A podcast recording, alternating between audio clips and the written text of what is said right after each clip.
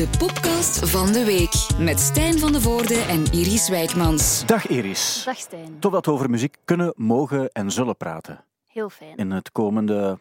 Ik zeg altijd uurtjes, soms... Ik, ik mik op 50 minuten, altijd. Ik weet niet waarom, maar dat is ook de perfecte lengte van een album. Heb ik altijd het gevoel. en eh, ook een rit van hier naar bijvoorbeeld... Ik woon nu in Sint-Niklaas. Dat is ongeveer... Als, als je kan doorrijden, gewoon 50 minuten. Perfect. En daarbij hou ik mij ook aan de verkeersregels, uiteraard. Dat wil ik ook er nog aan toevoegen. Eh, ja, Iris, eh, mensen kennen jou natuurlijk als eh, de most powerful woman in music business. Dat wil zeggen dat jij bands kan maken, maar ook kan kraken. Mhm. En op dat gebied wil ik jou ook ergens ook wel bedanken. en dat is de naam van mijn band Baby Hair. Ja. Vorige week vrijdag was die plots, en dat was ook voor mij een verrassing uiteraard, werd hij door de, de jury van mensen die beslissen over Catch of the Day, waarbij jij de voorzitter bent, mogen we zeggen, eh, verkozen tot Catch of the Day. En eh, dat betekent heel veel voor de hele band, uiteraard ook. En het is ook ergens iets dat gestart is in de podcast, dus dank je wel daarvoor. Eh, dat is graag gedaan en ehm, bedankt voor het cadeautje op mijn bankrekening daarvoor. Dat is ook heel graag gedaan. En dat kon er ook vanaf, want het enige wat ik daar nog over wil zeggen is dat, ehm, ja, los van de ontgoocheling van Otto Jan, wat eigenlijk ook een soort van, soort van cadeau was, eh, op een bepaalde manier, ehm, is het ook zo, dus er werden t-shirts ook verkocht van, eh, van Baby Hair. Vooral duidelijkheid, ik, ik verdien daar niets op. Eh, het is niet zo dat er geld naar mij gaat van die t-shirts, dus voel je vooral niet verplicht om een t-shirt te kopen. Niet dat mensen dat zouden doen, maar ehm, er zijn er heel veel van verkocht. Mhm. Waardoor het niet tot zondag, maar tot vandaag is, vrijdag, dat je er eigenlijk een eh, kon bestellen. En wat ik ook wel grappig vond, is dat er een soort van grote actie was rond koerstruitjes. En dat er dus minder koerstruitjes verkocht zijn. Allee, En er zijn er veel verkocht, hè. Maar er zijn letterlijk meer dan 100 t-shirts van Baby Hair verkocht. Oh, En ik moest er heel hard om lachen. En dat ook, is wel jammer, eh, want ik heb dan weer meegewerkt aan de actie voor de korstruitjes. Ja, en die, dat is ook waardevol, maar je moet gewoon je prioriteiten kennen, af en toe ook. En alle sympathie voor... Het zijn, het zijn mooie koerstruitjes, Mhm. maar het is geen t-shirt van Baby Hair. Dat is En ik denk dat mensen tegenwoordig soms liever in een t-shirt van Baby Hair fietsen dan met een koerstruitje. Dat is hetgeen hoe ik het eh, aanvoel, uiteraard. Maar wa- dat terzijde. Genoeg daarover. Eh, laat ons over de andere essentie praten, die ook muziek heet. En dan komen we heel snel bij dit uit. We horen het nog niet, maar nu wel. Ehi, stai ascoltando Playlist Timer. Controlla che punto sei della playlist. Quando i brani saranno terminati, la pasta sarà pronta. Buon appetito! Wat is dit? Ehm, dus we hebben het nogal graag hier in de podcast over ehm, playlists die niet per se uit muziek bestaan, maar eerder uit ehm, Vage... geluiden. Ja, vage eh, voorwerpen. Lidl bijvoorbeeld, winkelgeluiden, ook Lego-blokjes Ja. geluiden. En deze week kwam ik iets nieuw, leuk tegen en dat is een pasta-playlist. En Ja. eerst dacht ik, oh, dat gaan pasta-geluiden zijn. Maar dat is dus niet waar. Het gaat nog veel verder van dat. Het is dus van een, een playlist van een bepaald pastamerk. En die hebben per pastasoort dat ze hebben een playlist gemaakt met de exacte tijd hoe lang dat je die pasta moet koken. Ah, oké. Ja, Dus dan als je bijvoorbeeld, ik, ik ben een penne-eter, Ja. dat is 11 minuten, mhm, dan zit daar een nummer van 11 minuten in. Nee, of een daar- playlist. dan zit daar Ja. een kleine playlist in van exact 11 minuten. En voor het laatste liedje eh, zat die timer, die man zijn stem die je nu hoorde, ook in het Italiaans, wat je zo extra sfeer geeft. Ehm, en dan zegt hij van, hey, als dit liedje gedaan is dat nu komt, mag je pasta, mocht je stoppen met je pasta te koken en is je pasta klaar. Dus dat wil zeggen, in het geval van de penne heb je dan één nummer van The War on Drugs of acht nummers van The Ramones. Exact. Maar het is, eh, het is een, een Het is wel eh, allemaal meer gebaseerd op Italiaanse muziek. Dus Ah, muziek die in Italië populair is, wat dan ook weer past bij de sfeer. Ja. Dus als je pasta aan het koken bent ehm, en je denkt ik wil muziek opzetten, dan is de pasta-playlist misschien wel een leuke. Ik moet zeggen, er, ik heb heel lang muziek uit Italië onderschat. Ik dacht Mhm. ook er is een goede reden waarom er zo goed als geen artiesten uit Italië op de Belgische festivals spelen, op enkele namen, want er zijn er wel uit, uitzonderingen. Maar eh, die hebben wel ooit een goede periode gehad waarbij er goede muziek gemaakt werd in Italië. Heb ik toen geleerd. En ehm, ik heb het verhaal eens verteld, hè, van, die, van die gitarist van Phoenix. Die had zo'n Italiaanse plaat gemaakt en Ah, ja. bij een interview en zo. En die playlist die, ik- die ik toen gemaakt heb op basis van zijn advies, Mhm. die, die staan echt supergoeie nummers in. Dus ik, die zal ik ook eens delen op het juiste moment is misschien goed. ook. Want de, ik denk dan dat ik niet de enige ben die die onderschatting heeft. Mhm. Maar het is goed dat er eigenlijk op die manier ook nagedacht wordt over playlists. En dat er eigenlijk een soort van... Ja, een, ehm, Het is een beetje het nuttige aan het aangename koppelen. Of zo. ja maar ook het feit dat, dat eigenlijk merken doen dat heel weinig eigenlijk. Muziek koppelen Mhm. aan, aan, aan een manier van promotie voeren. En als ze het wel doen, werkt het eigenlijk ook altijd wel, denk ik. Ja. Dus dat is goed gezien. Oké, eh, prima. Slim. Ja, slim gezien. Dan is de uitvinder van de cassette overleden. Ja, Lou Ottens. Ja. Kent jij die? Nee, ik, het enige wat ik wist over, over cassette is dat dat ergens in de jaren 60 is gebeurd en Philips, dat die Ja. belangrijk daarvoor waren. Want Ik ken Philips, je hebt de Philips zitten in Eindhoven, waar Mhm. ik ooit geweest ben. En dan wist ik ook niet dat die zo belangrijk waren voor de gloeilamp bijvoorbeeld en ook voor de cassette. Ja, die een man, dat is een Nederlander, eh, Lou Ottens, maar die werkte dus in de Philipsfabriek in België. Dat was een ingenieur en die, heeft, ja, die had blijkbaar een grote frustratie ehm, eh, voor de toen bestaande tape recorders. Die waren ja, moeilijk ehm, om te gebruiken, die waren groot. En toen heeft hij eigenlijk de cassette ontwikkeld, ehm, voor Philips dan. En het trieste aan het hele verhaal is, die heeft ja, echt wel een grote uitvinding gedaan eigenlijk. Maar omdat hij gewoon ehm, een, een loon kreeg en een job had bij Philips, heeft hij daar eigenlijk een klein bonusje voor gekregen. En voor de rest van zijn leven heeft hij daar niks van gemerkt op zijn bankrekening of gevoeld. Of hij is daar totaal niet rijk van geworden. Maar hij heeft dus wel ehm, ja, iets waar dat alle muziekliefhebbers blij mee zijn, denk ik, de cassette. Ehm, eh, ja, bedacht, Uitgevonden. ook, ja. Ehm, en die is dus deze week gestorven, wat dat wel een, een triest moment is, denk ik. ja, wat ik nog weet is dat, die, dat de Japanners hebben heel hard opgepikt, vooral technisch gezien dan ook. En dan, en, en dan op die manier is het de wereld rondgegaan. En was het op een bepaald ogenblik, denk ik, een van de belangrijkste muziekdragers. Ook voor mij persoonlijk. Ik heb, ik heb er ook twee meegenomen. En ik, ik vond het zonde. En het was, ik heb ze meegenomen omdat het een oproep is. Want ik dacht, wat zijn, wat zijn nu mijn oudste cassettes Mhm. die ik ooit gekocht heb? En ik weet dat ik No Television van de radio's ergens in de jaren tachtig gekregen heb. Ik weet dat ik... eh, ja, ik had ook iets van Soul Sister, maar dat ik op een, op een plaat ook wel. Maar de vroegste die ik teruggevonden heb, was deze van de, van de Boo Radleys en van de Charlatans, die Tellen Stories. En dat zijn twee jaren negentig cassetten, maar ik had er vroeger ook. En ik- mijn oproep die ik wilde doen is, als je nu muziek hebt, op cd bijvoorbeeld, waarbij je denkt van, ja, maar cd's, dat heb je niet meer nodig. ehm, dan heb je de neiging om dat weg te doen. Maar daar krijg je op een bepaald ogenblik toch spijt van. Ik weet dat ik nog cassette singles heb gehad en ik heb ze niet meer. Dus als je verhuist, beslis je altijd om, om brol weg te gooien. En bij muziek krijg je er altijd op een of andere manier spijt van. Altijd. Ja, hè? Ja. Dus ehm, vandaar een soort van oproep die ik wilde doen, eh, als, omdat ik iets ouder ben, toch al serieus eind de dertig ben, wil ik oproep doen aan mensen die bijvoorbeeld jouw leeftijd hebben, nog dus aan de juiste kant van de jaren twintig, mag ik zeggen? Nee, niet meer. Of- Sinds eh, vorige maand zit ik aan de oude kant van de twintig. Ja, maar dat is nog altijd heel jong. En dan wil ik zeggen van, af en toe moet je bij muziek opletten als je iets weggooit. Zo bij alles eigenlijk, zoals posters bijvoorbeeld, of probeer dat bij te houden, want Ja. dat is toch cool dat je dat ergens nog hebt. Ja, ik heb mijn eerste cassettes wel niet meer, maar dat is dus omdat die van Samson en Gert en zo waren. Ja, ik omdat snap ik natuurlijk, eh, zoals je zegt, iets jonger ben. En dan nog denk ik dat je ermee moet opletten, want als je dat dan terugvindt als je 50 bent of zo, dan weet je van, ah ja, daar luister ik naar toen ik heel klein was. En precies daarom heb ik deze ook trouwens meegenomen. Het is eh, de plaat die, als je op vrijdag aan het luisteren bent, exact 30 jaar oud is. En het is van de band R.E.M. En eh, die hebben eh, deze plaat uitgebracht, dus exact 30 jaar geleden, Out of Time.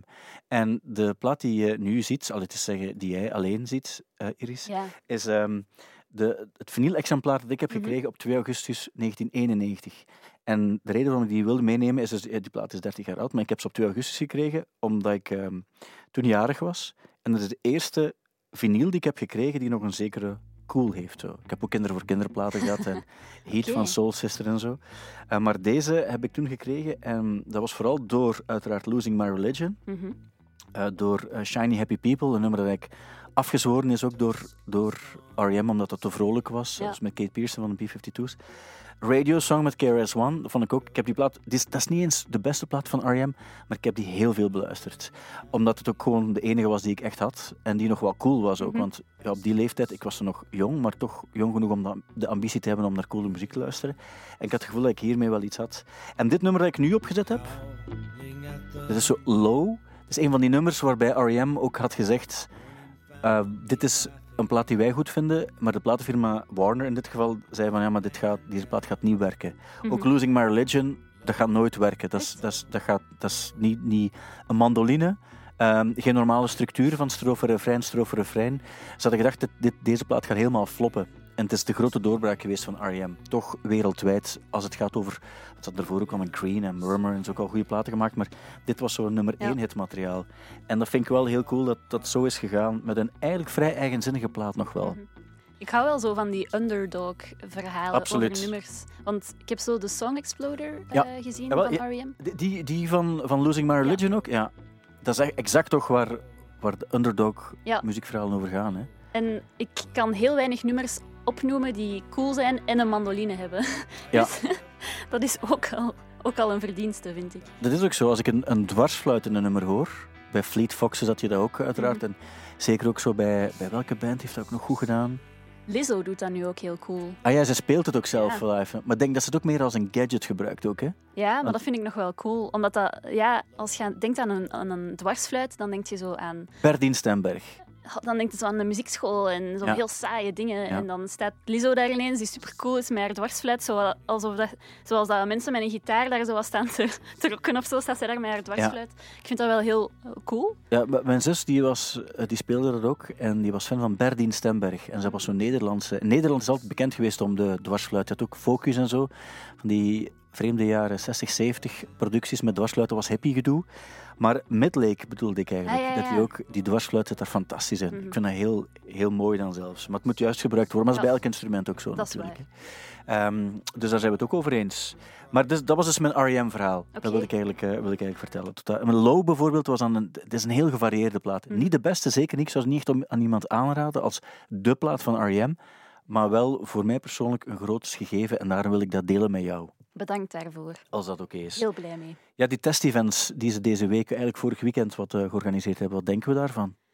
Ja, ehm, ja, ergens was ik toch een beetje jaloers. Ehm, niet per se omdat ik denk dat het het beste feest van je leven gaat geweest zijn, maar gewoon omdat je nog eens een heel klein sprankeltje van een gevoel kreeg dat al heel lang weg is of zo. Ehm, en ergens denk ik ook dat het goed is dat we gewoon daar onderzoek naar doen. Mhm. Zo komt er tenminste nog een beetje schot in de zaak. Dat, dat was exact wat ik ook dacht.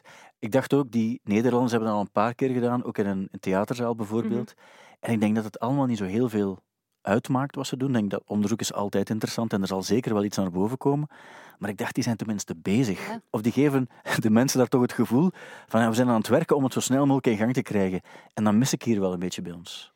Ja, hier ligt het nogal stil. En ik weet niet of dat, dat is omdat we afwachten op het Nederlandse onderzoek of dat we, eh, het gewoon geen prioriteit is. Maar ik dacht wel van oké, eender wat het daaruit komt, gaat ons verder brengen naar een oplossing die ons sneller bij een concert terugbrengt of zo. En daar, daar was ik wel blij mee. Ja. Dus Het was ook onmiddellijk uitverkocht. En ik zag het in het, in het journaal. Ja, ik dacht van, amai, zo, ik vroeg me af, had ik daar nu willen zijn? En ergens wel natuurlijk, omdat het is geestig ook zo, maar er waren ook cirkels ook en mensen moesten ver uit elkaar blijven. En het was ook ellendige DJ's dat daar stonden, voor mij persoonlijk dan. Mhm. En toen dacht ik van, ja, het, het was een beetje dubbel, want natuurlijk had je er willen zijn, maar het was wel zo echt iets super Hollands. Zo sfeer en een lekker biertje erbij, was ook zo de gasten... Ik dacht, ja, maar het is cool dat ze, ze zijn er echt mee bezig en ze geven mensen het gevoel van, kijk, we proberen echt van als het kan en het is veilig, wat uiteraard de hoofdprioriteit moet zijn, dan gaan we ervoor gaan. Dat geloof je wel in Nederland, maar bij ons geloof je dat niet. En dat is, dat is wel, daarmee zijn ze ons ook weer voor, niet alleen bij de cassette, hoewel het dan een Belg was eigenlijk ook, maar ja. via een Nederlands bedrijf ook wel. Nee, of hij was zelf ook Nederlander. andersom. Hij was een Nederlander, Ah, maar hij werkte in een Belgisch bedrijf. Ah, oké, van Philips wel. Ja, van Philips. Ben je er trouwens ooit geweest in die Philips-site daar? Nee. Dat is, eigenlijk is Eindhoven op dat gebied wel een toffe stad voor eens één keer naartoe te gaan. En je hebt zo de oude Philips-site, dat ze nu zo helemaal via reconversie een, iets anders gegeven hebben. En dan heb je het centrum tot de Philips-fabriek zo, zoals die in het centrum bestond. En dan het museum daar ook bij. En dat klinkt nu wat eh, belegen, zoals ik het nu vertel. Maar het is wel cool om eens naartoe te gaan. Oké, cool. Ja, ehm, ik, ik vind het toch wel sinds dat het eh, cool is. Ja, volgende week is het zover, hè? I'm on the run. Ja. With you, my sweet love, there's nothing wrong. Het is Lana Del Rey en Chemtrails Over the Country Club. Het album van, van De Lana komt uit. En eh, ja, wij, wij hebben een voorliefde voor haar, op alle mogelijke gebieden eigenlijk. Mag ik dat Ja. zo zeggen? Ja, geweldig grote voorliefde. Ja, ehm, en dat heeft dan te maken met haar eh, vorm van drama, die zo uitvergroot is, waardoor het in combinatie met heel goede nummers uiteraard ook een figuur wordt die we nog niet veel gezien hebben. Mag ik dat zo samenvatten? Ja, ze, ze eh, geeft eigenlijk een gevoel aan u dat weinig artiesten zo goed kunnen overbrengen. Ja. En wat ik er ook nog, want de vorige keer zijn we er niet op dieper op ingegaan, maar je hebt dat toen eens gezegd. En ik dacht achteraf van, ik had er wel iets over moeten zeggen. Het ging toen over dat ik de opmerking had gemaakt, weer al, volgens jou. Ehm, dat eh, ik zei van, ja, en ze schrijft dat nummer zelf en dat is cool. En jij zei, ja, ja, maar nee, het, ging, het was toen omgekeerd. Toen zei ik van, ja, maar het is nog cooler dat ze, als ze zelf die nummers schrijven. En jij zei, ja, maar er zijn zoveel mensen die dat nummer schrijven die iemand anders geschreven heeft, wat ook waar is. Maar ik blijf er ook bij, als je het ook nog eens zelf schrijft, dan sta je bij mij als artiest echt nog geen trapje hoger, maar zo vijf trappen hoger. Oké. Ehm, voor mij is dat geen prioriteit in het goed vinden van muziek.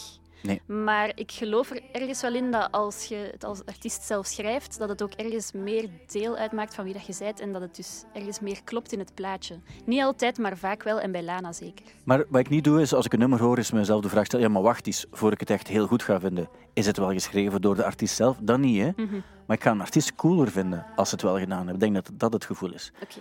Baby Hair bijvoorbeeld heb ik ingezongen, maar ik heb het niet, niet geschreven. Ja. Dat was Wouter. Dus allee, daarmee kan ik als artiest erover meepraten. Vertel eens, wat is nu het gegeven met de Lana Cult? Ja, ho. Eh, ik, ik ga weer eh, TikTok aanbrengen, maar ik, Nee, maar ik vind het belangrijk, voor alle duidelijkheid. Want ik hoorde deze week ook weer zoiets op de radio. Dat iemand zei... Nee, het was, op donderdagochtend ging het over eh, cancel M&M. En iemand zei fuck M&M en fuck TikTok. En ik, ik, zou- ik vind tegen TikTok zijn is achterlijk. Want ehm, daar gebeuren dingen en die zijn belangrijk voor de muziekwereld. Ik zit zelf ook niet vaak op TikTok. Maar ik vind de, de beweging die daar is op TikTok wel super interessant en zeer van deze tijd. Ja, en eh, de afgelopen weken was ik heel gedesoriënteerd. Als in, ik kreeg plots heel veel hamsters op mijn TikTok. Ehm, dus ik kreeg superveel filmpjes die over hamsters gingen en de hamstercult. En eh, er waren oproepen, join de hamstercult. En ik dacht maar, één, what the fuck is een hamstercult? En twee, waarom de fuck zou ik mij daaraan aansluiten? Ehm, en toen kreeg ik ook veel eh, Lana-cult berichten die daarop reageerden en omgekeerd. En ik snapte er echt totaal niks van. Ehm, en dat maakt mij nu waarschijnlijk heel oud dat ik dat zo uitleg. Maar dus ben ik een beetje verder gaan kijken en ik snap het nog altijd niet helemaal. Maar dus blijkbaar zijn er heel veel Lana-fans op TikTok. En terecht.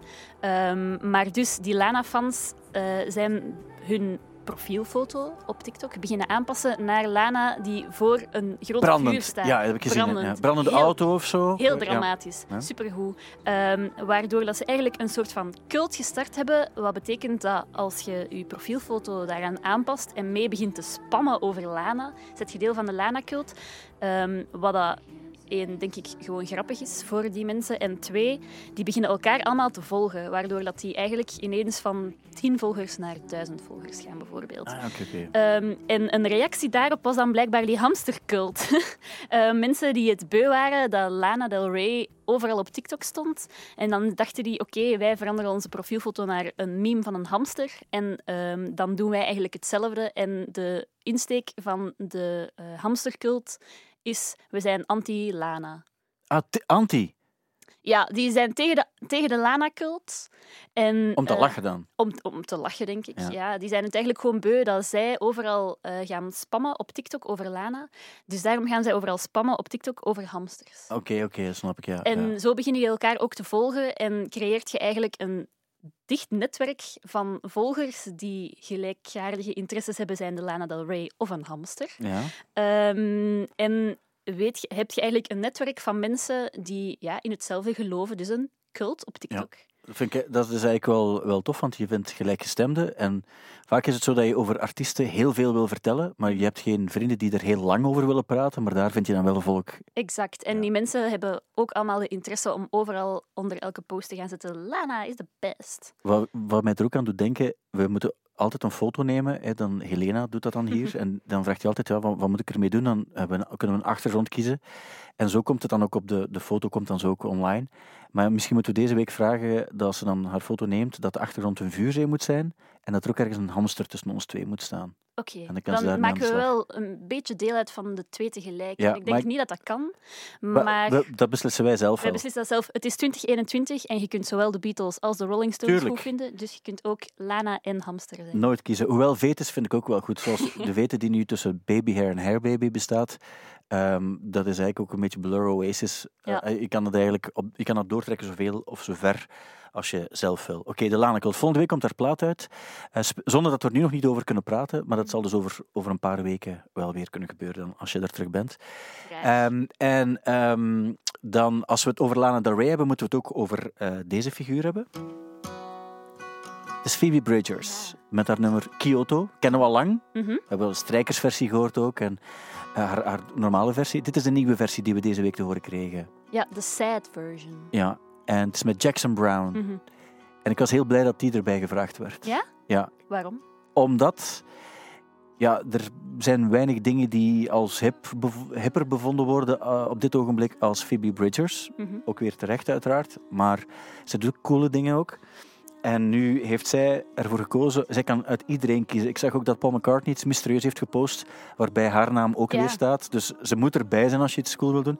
Maar zij kiest er nu voor om niet voor iemand hip te gaan. Ik ben ook blij dat ze voor geen ja, ASAP-achtig figuur is gegaan die het dan weer kapot maakt. Maar ze kiest voor Jackson Brown. En dat vind ik, dat is voor mijn rekening trouwens van de ASAP-figuur. Ja, ja, ik vind ASAP Rocky juist, dat weet jij niet. maar ik vind Dat niet ik, ja, ja, ik v- sinds A$AP Rocky nog wel, nog wel cool, stiekem Ah. op een bepaalde manier, moet ik nog zeggen. Maar dat is een ander verhaal. Ja. Maar wat ik wil zeggen is, Jackson Brown is een, de kerel die, ja, dat is de, de jaren 70 Bart, die altijd in de troubadour speelde in Los Angeles en echt van die, Mhm. van die Californium folk maakte, die ook de Eagles meegelanceerd heeft. En ehm, waarom kies je dan voor hem? Want hij zegt, je hebt Dead Rock en dan heb je, hij is, dat is de Dead Rock zelfs ver voorbij, dat is zo... Maar hij heeft wel coole nummers gemaakt. Super cheesy wel, maar wel schone nummers. Ja. En ik denk dat dit een soort van waardering is voor mensen die, die, ehm, die te makkelijk dat soort artiesten als oud, belegen en cheesy wegzetten. Ja, want Phoebe heeft gewoon de, de kracht of de eigenschap om nu te zeggen Jackson Brown is vanaf nu een cultfiguur. Ja. Dus dat vond ik ergens wel cool, omdat ik, ik ken hem wel, maar ik ben totaal niet zo mee met zijn oeuvre, omdat hij ook vandaag de dag niet meer zo relevant is gewoon, of je hoort hem toch niet meer zoveel. Ehm, Tot hij sterft dan waarschijnlijk. Ja, waarschijnlijk. En dan zegt iedereen, oh, hij had toch veel goede liedjes. Maar nu dacht Phoebe, nee, ik ga niet wachten tot hij dood is. Ik maak Ja. er nu een nummer mee, waardoor dat hij ineens terug cool is. Eigenlijk is het zo'n beetje zoals dat ehm, ABBA en eh, Fleetwood Mac altijd fout waren. Tot nu dat ineens mensen zeggen, ah nee, het is niet fout, het is juist cool. Ah, wel, en dat wil ik eigenlijk net voor zijn ook, want Jackson Brown heeft echt heel goede nummers gemaakt. En op dat gebied wil ik graag een, een klein brugje maken ook naar de Eagles. Die, als je op vrijdag aan het luisteren bent, is het exact 45 jaar geleden dat de best-of van de Eagles, de greatest hits, van de periode 1971-1975, het gaat over vier jaar, hè, dat is een, een best-of waar zelfs Hotel California niet op staat, is voor het eerst op één geraakt in de Verenigde Staten. En wat ik er zo cool aan vind, is ten eerste, ja, het is een grootste hit voor ons, dan staat er niet eens op. En ehm, het is ook zo dat die plaat de best verkochte plaat aller tijden is in de Verenigde Staten. Geen enkel album is meer verkocht dan die Greatest Hits. En dat is, als het gaat over belegen, ah, dit nummer staat er ook op. Dat is Take It Easy van de Eagles. Dat is zo redneck als Mhm. iets. Dat is echt zo... Maar dat is wel een fantastisch nummer. En het is van de Eagles, maar het is geschreven door Jackson Brown. En het is ook een van de eerste nummers, daarom staat het ook uiteraard op die Greatest Hits. En ehm, die plaat, ik snap het eigenlijk volledig. En het heeft, het heeft lang geduurd voordat ik er helemaal mee mee was. Maar als je aan het rijden bent en het is mooi weer en je zet dan deze plaat op, dat is fantastisch. Ja. En dat wil ik graag nog eens benadrukken. En dat is ook de verdienste van, van Jackson Brown, die de Eagles dus echt op pad heeft geholpen. Dus die man waar Phoebe Bridgers nu dat nummer mee heeft opgenomen, waarvan heel veel mensen zeggen van ja, wie is die oude man die je nauwelijks hoort ook wel in het nummer en waarom mag die toch meedoen? Wel, dat is de dude die eigenlijk belangrijk is voor de verkoop van ja, tientallen miljoenen tot zelfs honderden miljoenen platen. Voor zichzelf een klein beetje, maar ook voor de Eagles. Mhm. Vandaar dat we dat toch even moeten kaderen, denk ik. Ja. Het is eigenlijk uw manier om te zeggen first. Ik was al fan voordat Phoebe Bridgers Nee, nee, dat cool zeker heeft niet. gemaakt. Nee, dat zeker niet. Maar ik vind, wat, wat, wat- dat is ook niet belangrijk wie het eerst goed vindt. Want voor alle duidelijkheid, die muziek is ook allemaal uitgekomen voor ik geboren was. maar het is zo muziek. Mag ik er zo één kleine anekdote over de Eagles vertellen? Dus ik mocht met Bram naar Burning Man gaan. Ja. En ik dacht van, op voorhand, ja, Bram lacht als ik cd's wil meenemen op reis. Omdat, maar ik heb gewoon ervaring met huurauto's soms. Ja. En toen was dat een fan die we huurden ook. En ik dacht, kijk, hij gaat lachen met mij, maar ik ga cd's meenemen. Want die aansluiting met, met de... Hij denkt dan dat je alles met bluetooth kan doen. En, en dat is nooit bij die Nee, huurauto's. Dus ik dacht, ik ga een paar cd's meenemen. En ik dacht, ik neem dus die greatest hits van de Eagles ook mee. En ja, we hadden niet veel keuze, dus we hebben het opgezet. En we reden dan echt zo van Las Vegas naar... naar dat was een, een rit van 12, 13 uur zo, naar die, naar die, naar die woestijn. En ja, we hebben constant deze plaat opgezet. En dat was, in het begin was dat zo, ja... Maar dan toen we terugreden op een nacht, toen, we, toen die man verbrand was, we zeiden, weet je, we gaan nu al vertrekken, want anders zit je soms een hele dag vast in het verkeer. Echt letterlijk duurt het soms 12 uur om 100 meter af te leggen. Om alles, dat is niet, niet deftig georganiseerd. En dat ging super vlot en die plaat stond op en dat was fantastisch. En we hadden zin om afval uit ons raam te gooien. Wat we nooit zouden doen, want dat is het flauwste wat je kan doen. Maar je had, zo, je had het red- redneck gevoel heel hard, van zo de, de Amerikaanse vibe die er zo moest hangen. Zo. En dat is, als, de, als je op de juiste moment de Eagles opzet, of Jackson Brown, dat is een supergoed idee. Voilà, tot zover mijn bijdrage daarover. Eh, nu mag het af. Ook. nu mag het ook wel af. Ehm, wat ik ook nog wilde vragen is ehm, de Grammys. Ja. Ga je, ga je het volgen? Oké. Ik, eh, pff, waarschijnlijk ga ik het achteraf gewoon lezen. Zoals heel veel mensen, ik ook. Ik Ja. ook trouwens. Ik wil het eigenlijk wel volgen, maar ik heb geen zin om zo lang op te blijven. Het is zo om vier uur s'nachts en zo dat het dan Mhm. begint. Oh wel. Ehm, en om die reden ga ik het niet doen. Wat, maar vind je het interessant? Oh. Ehm, ik ga eerlijk zijn, ik vind vaak awardshows niet super interessant. De Grammys zijn dan nog zo ja, de grote der grote. Dus ergens ehm, is dat nog wel een interessante en er gebeurt altijd wel iets. Dus daarom ga ik zeker achteraf wel ehm, lezen wie er gewonnen was en kijken wat er gebeurd is. Ehm, Maar om te zeggen dat, ik dat, dat mij dat echt super hard interesseert of dat ik daar wakker van lig, dat is wel echt niet het geval. Nee. Ja, het is vaak ook de weg daar naartoe die interessant is. Hè? Want je hebt dan artiesten die kwaad zijn dat ze niet Mhm. genomineerd zijn. Ze leggen dan ook graag uit waarom. En je hebt die Halsey bijvoorbeeld. En je hebt, eh, je hebt The Weeknd, die waren kwaad. En die zeggen, maar de reden waarom dat we niet genomineerd zijn, heeft gewoon te maken met het feit dat we niet genoeg cadeautjes uitgedeeld hebben en privéconcerten gegeven hebben aan- de juiste mensen. Want zo werkt het dan. En ja, dan zal dat niet altijd zo zijn, want ik kan me niet voorstellen dat Beyoncé heel veel privéconcerten heeft gegeven. Maar ja, je hebt nog altijd mensen die kwaad zijn. Dus het is zo, mensen lachen ermee en je weet ook dat er in de geschiedenis van de Grammys zoveel verkeerde Grammys gegeven zijn, achteraf gezien dan, waarbij je weet... Vaak is het zo dat een artiest een legendarische plaat heeft gemaakt, die wordt dan niet eens genomineerd of die wint niet. Vier jaar later beseffen ze dat ook, dus dan wordt de plaat die onmiddellijk daarna gemaakt wordt, die wordt dan wel in de prijzen gegooid, terwijl die plaat het dan vaak helemaal niet waard is. En je hebt zoveel, vooral de, de Grammy voor Best Dance Recording, dat is het grappigste wat, wat er bestaat.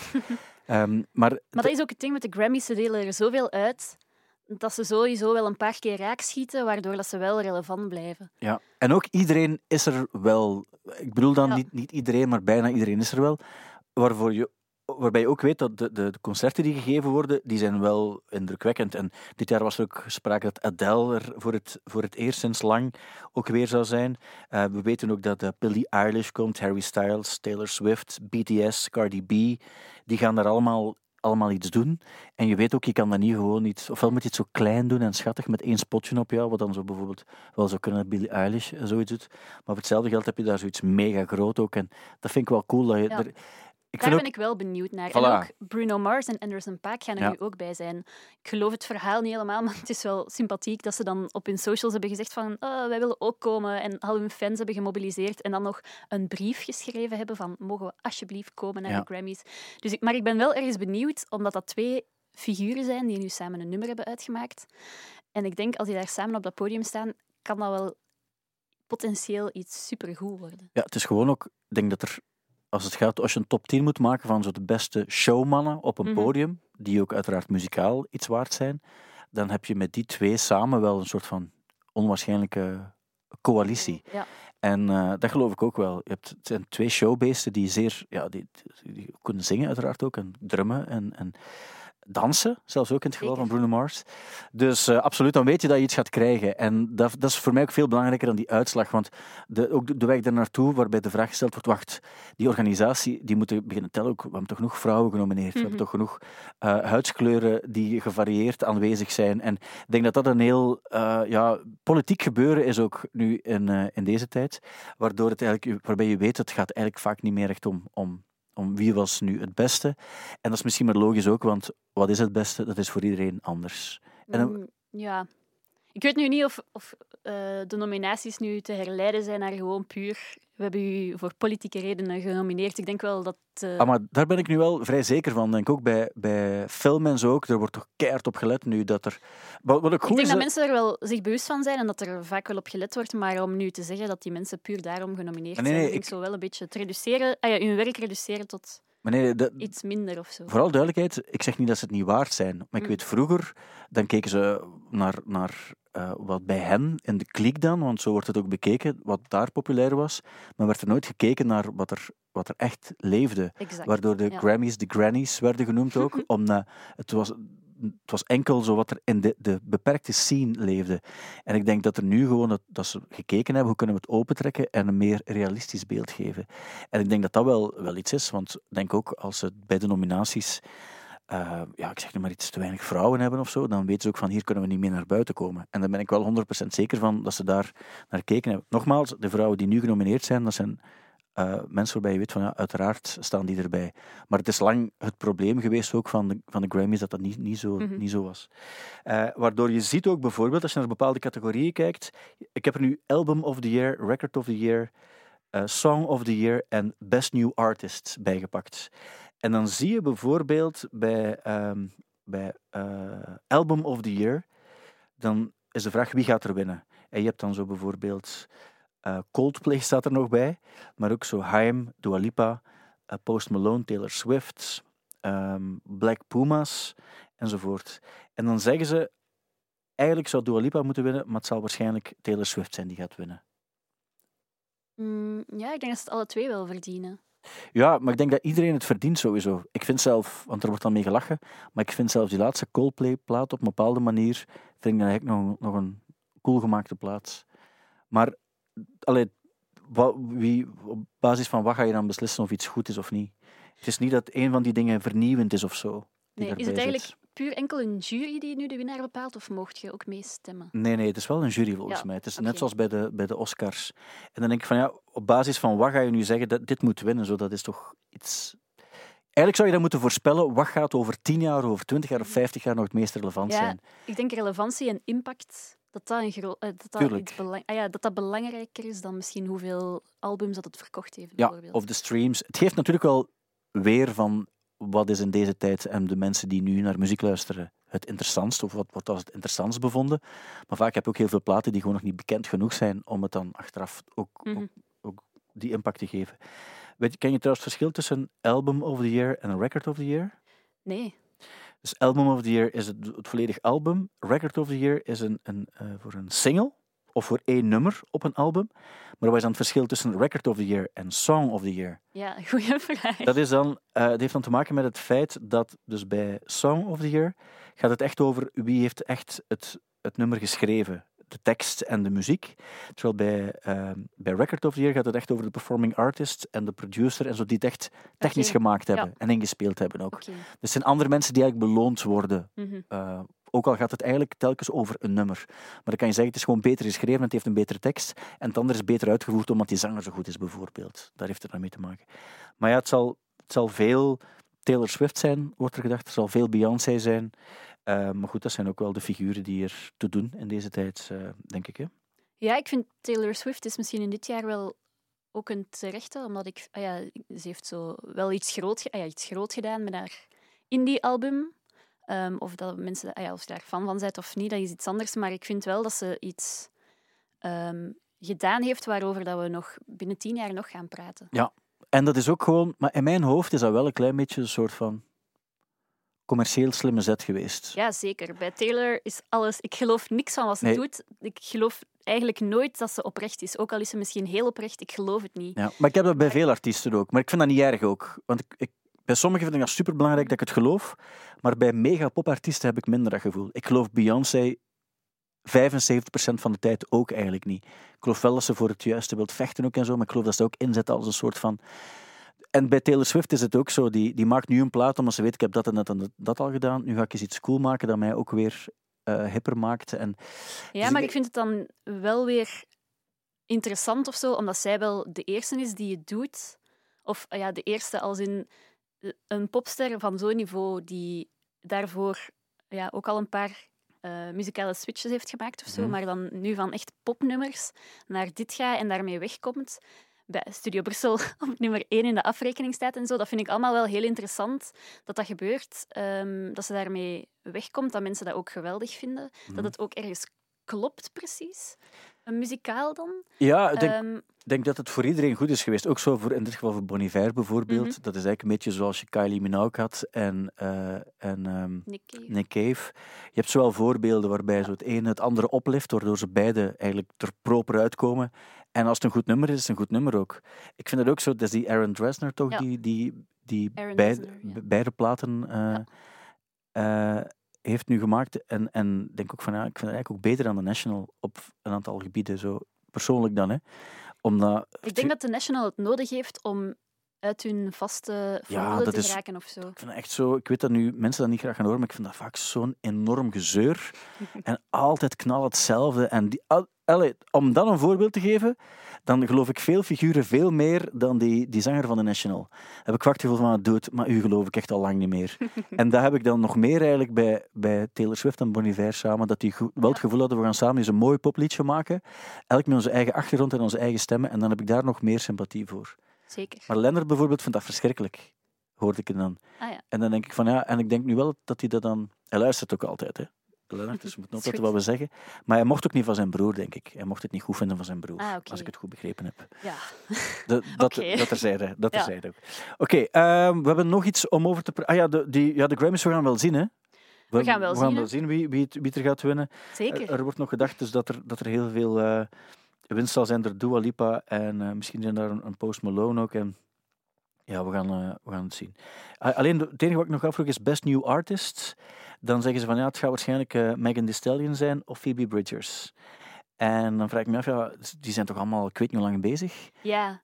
Ehm, bij veel artiesten die ertussen staan, zoals Phoebe, snap ik het ergens nog, omdat zo met... ehm, ja, nu is het wel het moment dat, ze, dat iedereen haar begint te kennen, dat Ja. ze doorbreekt, eh, dat iedereen haar plaat heeft gehoord, terwijl ehm, haar, haar debuutplaat dan, dan die Stranger eh, in the Alps, Ja. eh, ja, die... eh, ja, unpopular opinion, maar ik vond die eigenlijk beter. Maar die heeft echt precies niemand gehoord. Ik vond die ook heel mooi. En ik weet niet, ik vond eigenlijk zo- This is the End bijvoorbeeld, vond ik echt een heel goed nummer. En er stonden nog twee, drie goede nummers op. Of heel goede nummers op. Ik vind het een goede plaat. Maar ik vond die eerste ook sowieso. Ja, Heel en goed. ik weet toen nog, eh, toen stond ze ook op Pukkelpop en die tent waarin dat ze toen stond, die was half leeg. Ja. Terwijl ik denk als ze nu op eh, Pukkelpop staat bijvoorbeeld, dan gaat dat een overvolle tent zijn. Dus Ja. ergens snap ik het nog wel. Dat Het gaat meer over doorbraak heet het eigenlijk dan dat je nieuw Ja. bent. Hè? Maar misschien klopt dat ook wel. Misschien bedoelen ze het ook wel Maar zo. ik vind het zo bijvoorbeeld heel raar dat dan Kate Renata ertussen staat. Ah, ja, Want ik snap niet goed wat hij dit jaar dan, of het afgelopen jaar heeft gedaan, waardoor dat hij nu zou doorgebroken zijn. Ja. Dat, daar ben ik niet helemaal mee mee. Maar Ja, dat, dat begrijp ik ook. Ja, er staan heel veel namen bij die eh, niet noodzakelijk voor iedereen even... Ja, het is vooral niet, niet zo heel Studio Brussel op een aantal ar- artiesten na. Mag ik het zo zeggen? ja, maar dat is op zich niet erg. Want zo Nee, nee, absoluut niet. Maar ik bedoel, maar dat, dat- daarom is dat voor ons ook iets dat denk ik dat je automatisch een sympathie hebt voor muziek waar je zelf ook naar luistert. Of zo, dat je die dan meer gunt. Als ze dan toch een prijs moeten winnen. Nee? Ik gun Phoebe Bridgers alles. Kijk, eh, wat vind je van dit? Ja, ehm, Het is Taylor the Creator, hè, voor alle duidelijkheid. ja Tyler the Creator Ja. voor zijn eh, Coca-Cola commercial. Ja, en Tyler staat bekend omwille van het feit dat hij eh, al eens graag commercieel denkt. En wat Mhm. mag uiteraard. heeft die Gucci-campagne gedaan met Iggy Pop. Hij heeft zijn eigen Tyler Ice Cream.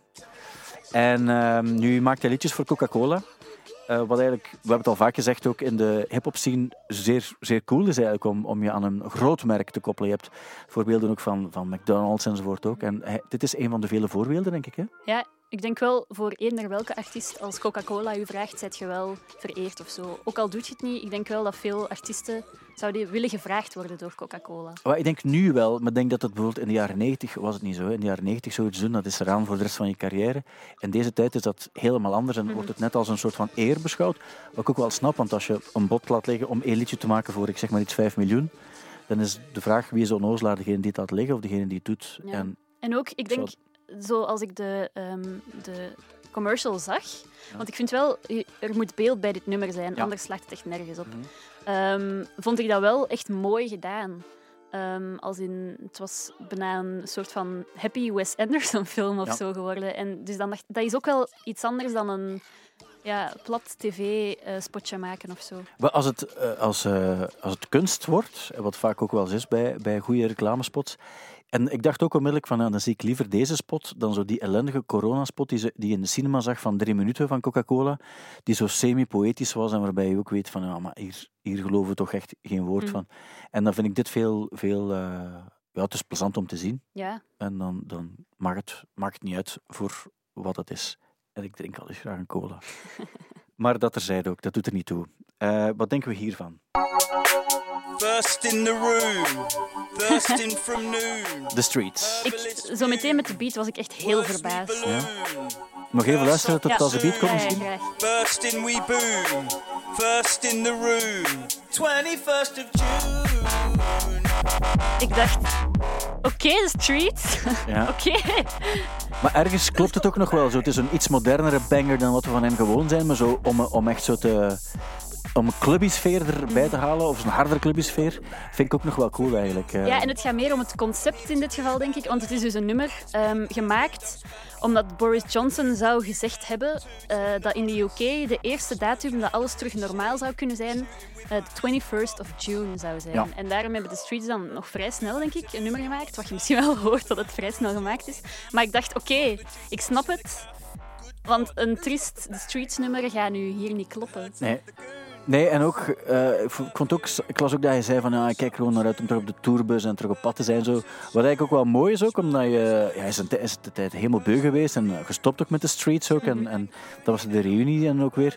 Dus die artiesten, iedereen heeft wel zin om er weer, om er Ja. weer iets van te maken. Zo. Het is alleen gevaarlijk, denk ik, maar dat is typisch aan die Boris Johnson uiteraard, dat hij er een datum op, op plakt, terwijl je niet eens weet of, of alle, Het is echt... alle, Maar ja, moeilijke bevolkingsgroepen gevaccineerd gaan zijn ook en zo. Ja, maar ja, als we moeten gaan uitleggen wat Boris Johnson altijd denkt, zijn we misschien lang bezig. Maar wat ik wel had bij dit liedje is als je zo u een, een film voorstelt in je hoofd waar dat er een superhard feestje bezig is, Ja. dan klopt dit nummer helemaal. Dus daarom snapte ik wel waarom dat het zo klinkt. Ja, dat- ik, ik, ook, vond het ook. Ik vind het absoluut niet het beste nummer van de Streets, maar het is wel cool. En het is ook zoals je zei, van, fijn dat ze zo snel gewoon iets maken en het ook onmiddellijk online gooien om hun enthousiasme te delen. En ook het feit dat er weer iets nieuws is ook, want het viel je ook op, als je dan kijkt van, maar wat waren nu de beste platen van het laatste jaar, dan zijn er veel. Er is heel veel goede muziek gemaakt, ondanks alle coronatoestanden. Maar je merkt dat toch minder is allemaal. Zo, dat, heel veel, dat er heel veel gewacht wordt, wat ik ook wel snap ook. Maar het is wel een ander jaar geweest op dat gebied ook zo. En als er dan toch iets nieuws verschijnt dat echt goed is, dan vind ik dat wel plezant. Als het nu gaat over vrijdag, vandaag hopelijk als je aan het luisteren bent, zijn heel- vandaag komen nu echt eens heel weinig goede platen uit, is me opgevallen. En het is zoveel, ja, zo... Er zijn zo, dit is normaal de periode waarin er heel veel uitkomt. Ja, en heel veel grote dingen ook. En dus het is goed dat er vol- volgende week dan een Taylor, eh eh, was ik een eh, Lana Del Rey die, die uitkomt. Dat je weet van, ja, er, er zijn weer wat grote dingen die gebeuren. Ja. Zo, dat, dat heb je wel nodig, denk ik. Hè? Heel, heel hard eigenlijk. Ja, voilà. Dan zijn we het daar ook, eh, ook over eens. Heb je naar die, eh, deze gekeken? Okay. This song is for some friends. De Tiny Desk. Ja, de Tiny Desk Ja. van Fleet Foxes. Ik heb gekeken, ja. Ehm, het was zo een ruimte die heel klein gemaakt Mhm. was en er stond er een desk ook. En hij zat er in van die Birkenstocks eh, Ja. aan de dingen. En dat mag ook uiteraard, want het doet er niet toe, dat hoor je ook niet. Eh, maar zou dat een bewuste keuze geweest zijn? Om zo, want je weet wel, ik ga nu ga ik dat met die Birkenstocks ga ik dat wel doen.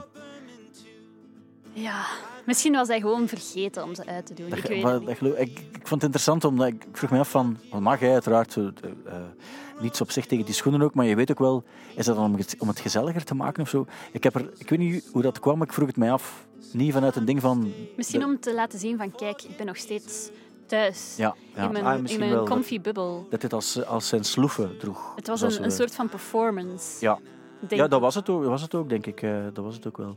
Ik het viel me wel op, want ik vind die laatste plaat eigenlijk nog best tof. Eh, maar ik herkende veel nummers ook niet. En ik, Mhm. het viel me op dat ik ze, dat ik ze niet zo... Niet, dat, het was niet zo boeiend, vond ik. Nee, ik, ik vond dat het... Het kon één lang nummer samen zijn of Ja. zo. Ik, ik, ja... Ik, was niet zo, ik werd er niet zo warm van. Nee, wel, ik- het kon me niet, niet blijven boeien. En ik dacht toen van ja, op een bepaalde manier, ik, vond die, ik, zeg, ik vind die laatste plaat eigenlijk best goed.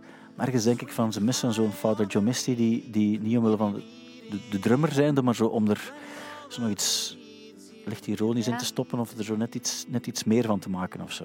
Maar dat vond ik ook een beetje jammer, omdat zo, als, als er een nieuwe Tiny Desk is, weet je ook van ze gaan daar echt hard aan gewerkt hebben en dan Ja. een performance hebben ze en ze hebben daar speciaal nog een extra ehm, eh, ja, gitarist of zo voor ingehuurd Ja. die iets zot gaat doen of die een extra laag aan dat nummer gaat geven. En hier ja, was hij alleen.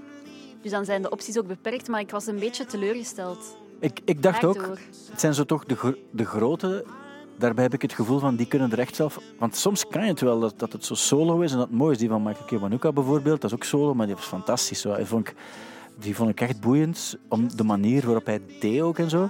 Terwijl hier op zich kan je niets, niets zeggen over... De, hij zingt niet vals, ik niet dat dat slecht is, totaal niet. Maar het is wel opvallend dat sommige mensen echt kunnen boeien en anderen niet, als ze drie, zelf maar drie nummers akoestisch moeten spelen. Of vier, ik weet het al niet meer juist, ik denk dat er vier waren. Ehm, het Maar ook kon op. er ook één zijn. Het, ja, wel ja, het had er misschien beter één goed geweest ook. eh. maar dat is ook eh, iets waar we op dit ogenblik niets meer aan kunnen doen. En dan wil ik het nog over één ding hebben, voor ik wil weten welk nummer moeten we spelen. Eh, de Wu-Tang Clan. Die eh, gaan een fotoboek uitbrengen met 36, nee, van 36 exemplaren. linken met de, die eh, 36 Chambers. En dat wordt dan in een soort van, ja, een soort van beeldhouwwerk wordt er dan bijgehouden. En dat gaat gigantisch veel geld kosten. En dan denk ik van ja, dat is.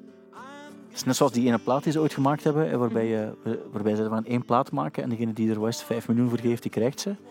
Ehm, ja, waarom zou je zoiets doen eigenlijk? Goh ja, voor de exclusiviteit en het geld. Ik denk Ja. dat dat voor, sorry, voor een artiest interessant is, omdat je weet dat er sowieso een exclusief eh, voorwerp gelinkt aan u als artiest bestaat, wat sowieso binnen zo x aantal jaar meer waarde heeft en waardoor dat je ergens zo je, je plaatje koopt of zo Ja. in, in de muziekgeschiedenis. Niet dat zij dat nodig hebben, daar niet van, maar dat er zo toch nog iets van u bestaat dat je 100% zeker weet binnen 50 jaar gaat dat in, zoveel in waarde gestegen zijn, waardoor dat je ergens ja, je relevantie mee blijft kopen of zo. Ja, dat volg ik wel. En, en dat maakt het echt een kunstobject ook bijna. Hè? Want dat is het ook, want als ik het goed begrijp, is het echt een kunstenaar die gaat dat echt zo maken ook. Die dozen dan waar het in zit, of het zijn echt zo houten of, of metalen eh, vormige dingen. Maar dat deed me er net aan denken, de manier waarop je dit nu omschreef, dat we nog vergeten zijn om iets over de NFT te Ja, vertellen. de non-fungible token. Ja. En dat is iets wat Kings of Leon zogezegd voor het eerst hebben gedaan. Anderen zeggen, ja nee, het bestond al. Maar Mhm. als het gaat over een grote band die dit voor het eerst heeft gedaan, dan is dit een goed voorbeeld. Ja. Eh, kan je ongeveer uitleggen waar het over gaat? Ja, ehm, blijkbaar is het een soort iets on- online ja, token of certificaat waardoor dat je een origineel online of ja, online digitaal kunstwerk in dit geval altijd koopt en dan heb je het bewijs dat het voor altijd van u is. Bijvoorbeeld Ja. als ik een tekening maak in Paint en als ik daar een non-fungible token van maak en Ja. jij koopt dat, zet jij de enige die ooit mijn tekening in Paint gaat bezitten, de originele vorm ervan. Behalve als je ze doorgeeft aan iemand. En dat is het interessant ook in dit geval, want die NFT, in dit geval was het 50 dollar dat je betaalt. Mhm. En dan krijg je een pakket in de plaats. Maar het is een soort van cryptocurrency, zou je kunnen zeggen. Alleen, je kan het niet, niet makkelijk gebruiken om, om, om mee te betalen of zo. Nee, het is meer een bewijs dat iets van u is, Ja. digitaal. Maar je kan het wel, het, het volledige pakket kan je wel doorverkopen aan Mhm. iemand. En dan heeft hij het ook, want je kan het maar twee weken bestellen ook. Dat is dan ook het, het speciale eraan. En als je het nu koopt, dan heb je het. En de waarde daarvan gaat ook weer stijgen. Dat vind ik Vermoedelijk, ja. Ja, vermoedelijk. Het is in dit geval een beetje een vreemd voorbeeld, om, omdat ik denk dat Kings of Leon niet meer zo de meest relevante band zijn en ze maken veel hetzelfde, hoewel de, de nieuwe plaat is dan toch wel iets beter dan de twee vorige. Maar ik denk ook dat ze hebben nog wel een fanbase, maar het is anders dan bijvoorbeeld, mocht een Beyoncé dat gedaan hebben bijvoorbeeld, dan zou, het, zou iedereen het gekocht hebben, omdat je Mhm. bijna het gevoel hebt van het gaat veel meer waard zijn. En het, het wordt wat vergeleken ook met een, een heel duur, zoals, zoals jij zei, heel duur kunstwerk of een, of een goudstaaf, waarbij je weet van je kan dat ooit wel weer kwijtgeraken en die waarde zal dan ook wel stijgen, maar je bent niet helemaal zeker en het is niet de bedoeling dat je dat, zoals bij bitcoins of zo, dat je dat constant gaat doorverkopen en, en doorgeven en, en dat je ermee gaat Mhm. speculeren of zo.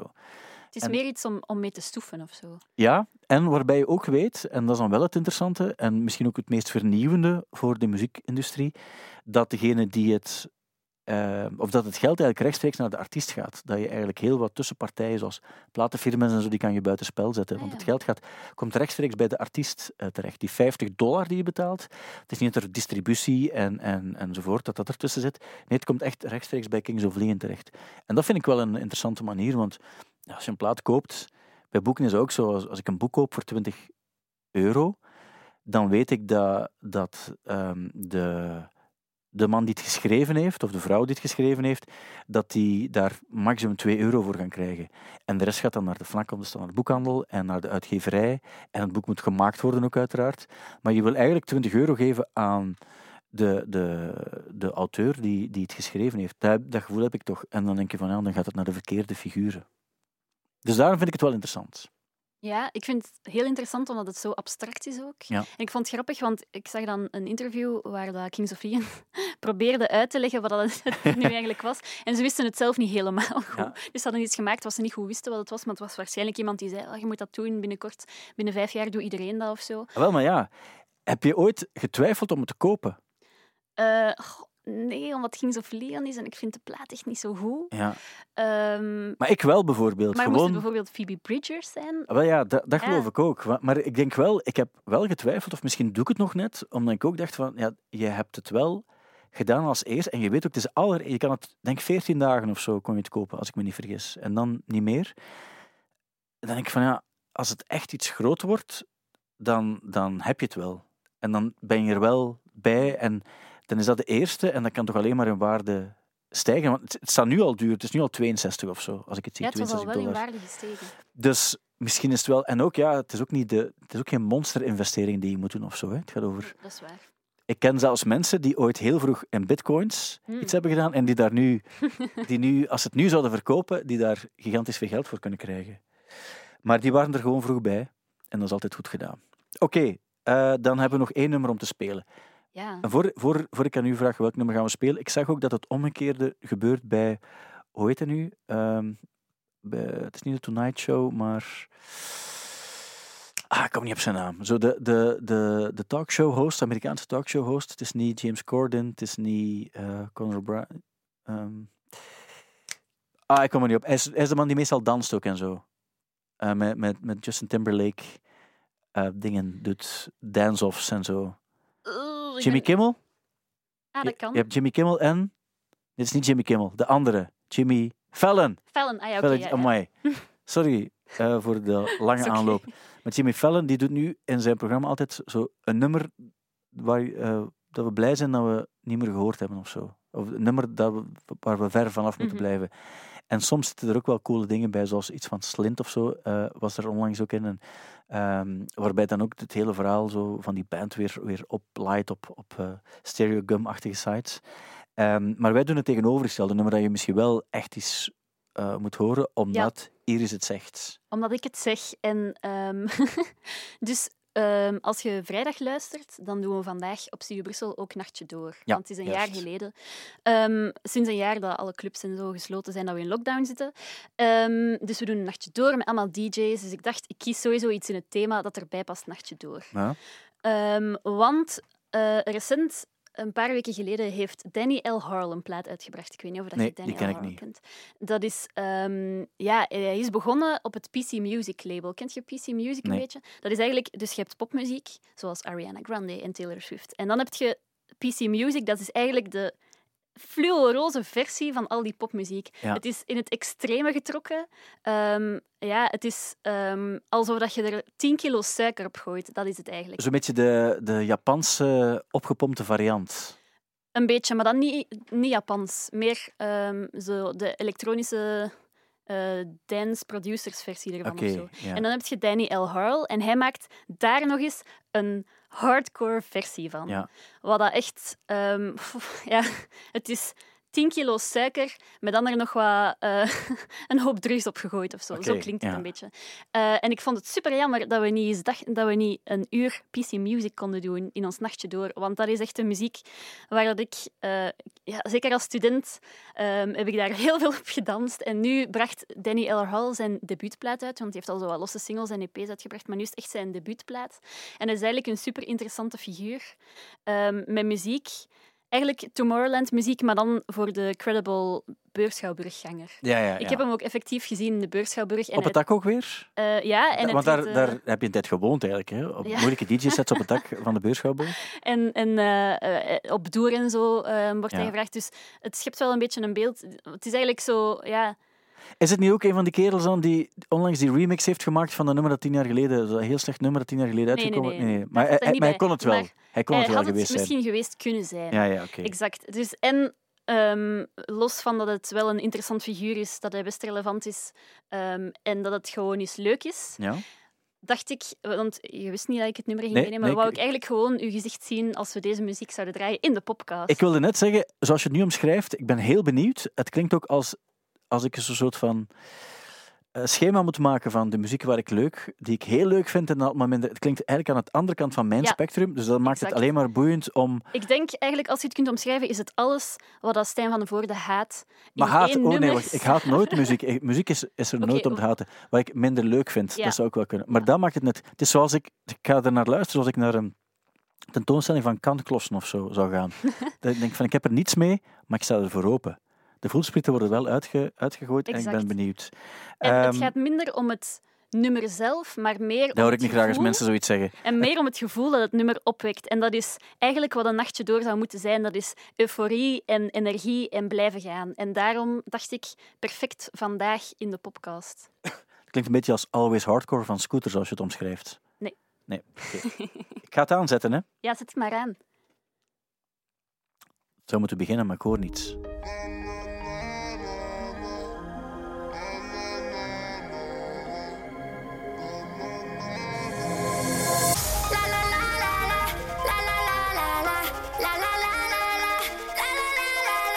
Er gaan rare dingen gebeuren, hè. Komende drie minuten. Ja, maar dat is oké. Ja.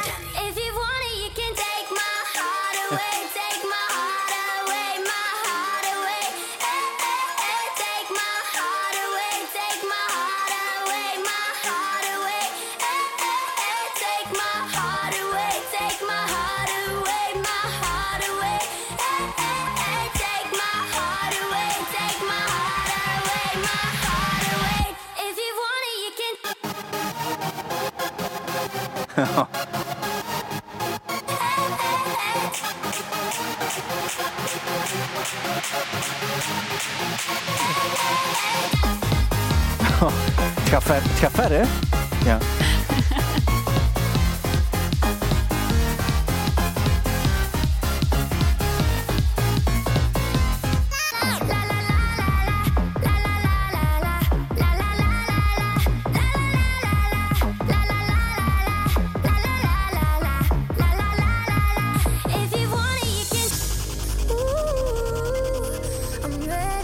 Komt er een soort van drop eh, dadelijk aan.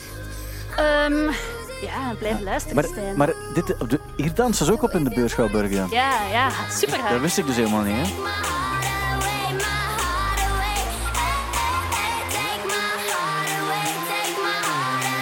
Ik voel er eentje komen.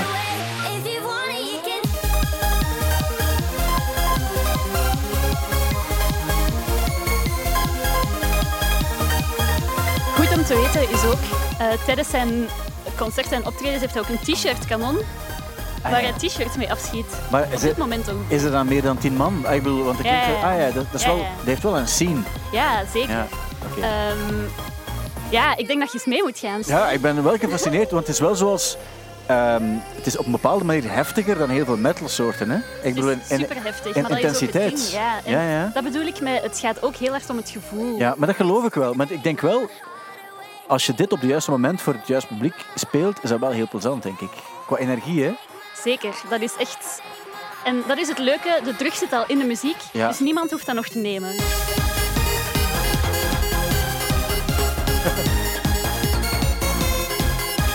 Weet je waar ik ook aan moet denken? Je hebt zo toch, eh, en dat is wel iets heel Japans, eh, van, die, ehm, van die kermisachtige dingen. En dan moet je zo met je voeten op de juiste oplichtende kringetjes. Dat is dit toch ook een klein beetje, hè? Een beetje wel, ja. Het is zoiets wa- waarbij dat zo intensief. Het is gedaan ook. hè. Het is zo intensief eh, dat je er mottig van wordt, maar op een goede manier. Dus ik volg het wel. Er is muziek, waarbij ik denk van, sorry, maar ik snap er niets van. Maar dat heb ik niet bij dit. Dus ik Ja. ben blij dat we het gespeeld hebben eigenlijk. Exact. En als we volgend jaar twee jaar lockdown vieren, eis ik een uurtje PC Music in ons nachtje door. Wel, dat vind ik goed, maar we gaan er niet twee jaar ver laten gaan. Laten we gewoon nu afspreken dat als het zover is, dan moeten we daar gewoon eens een special doen in de, in de podcast. En dan spelen we alleen dat soort dingen. En dan maken we dat dan goed, dat je dat, je dat eigenlijk... eh, ja, dat je het vertelt zoals je het wil vertellen, met de juiste eh, info. En, en dat we een beetje meer on- ondergedompeld worden in het genre, want ik sta ervoor open. Kijk hoe, want ik kan daar ook echt meerdere podcasts over vullen Oké, eigenlijk. laat, ons met, laat ons met één beginnen voor de podcast. En dan daarna kan je nog je eigen weg gaan met een andere podcast natuurlijk. Want je hebt nog altijd geen exclusiviteit getekend met de podcast van de week uiteraard. Eh, maar dankjewel om het allemaal te komen toelichten in deze podcast van de week. En heel graag tot snel. Tot heel snel. Dit was een podcast van Studio Brussel. Vond je hem leuk? Check dan zeker ook onze andere podcasts. Zoals Thank You Boomer, waarin Thibaut Christiaanse onderzoekt of een artiest nu wel echt tijdloos is. Nu via stubru.be of in de Stubru-app.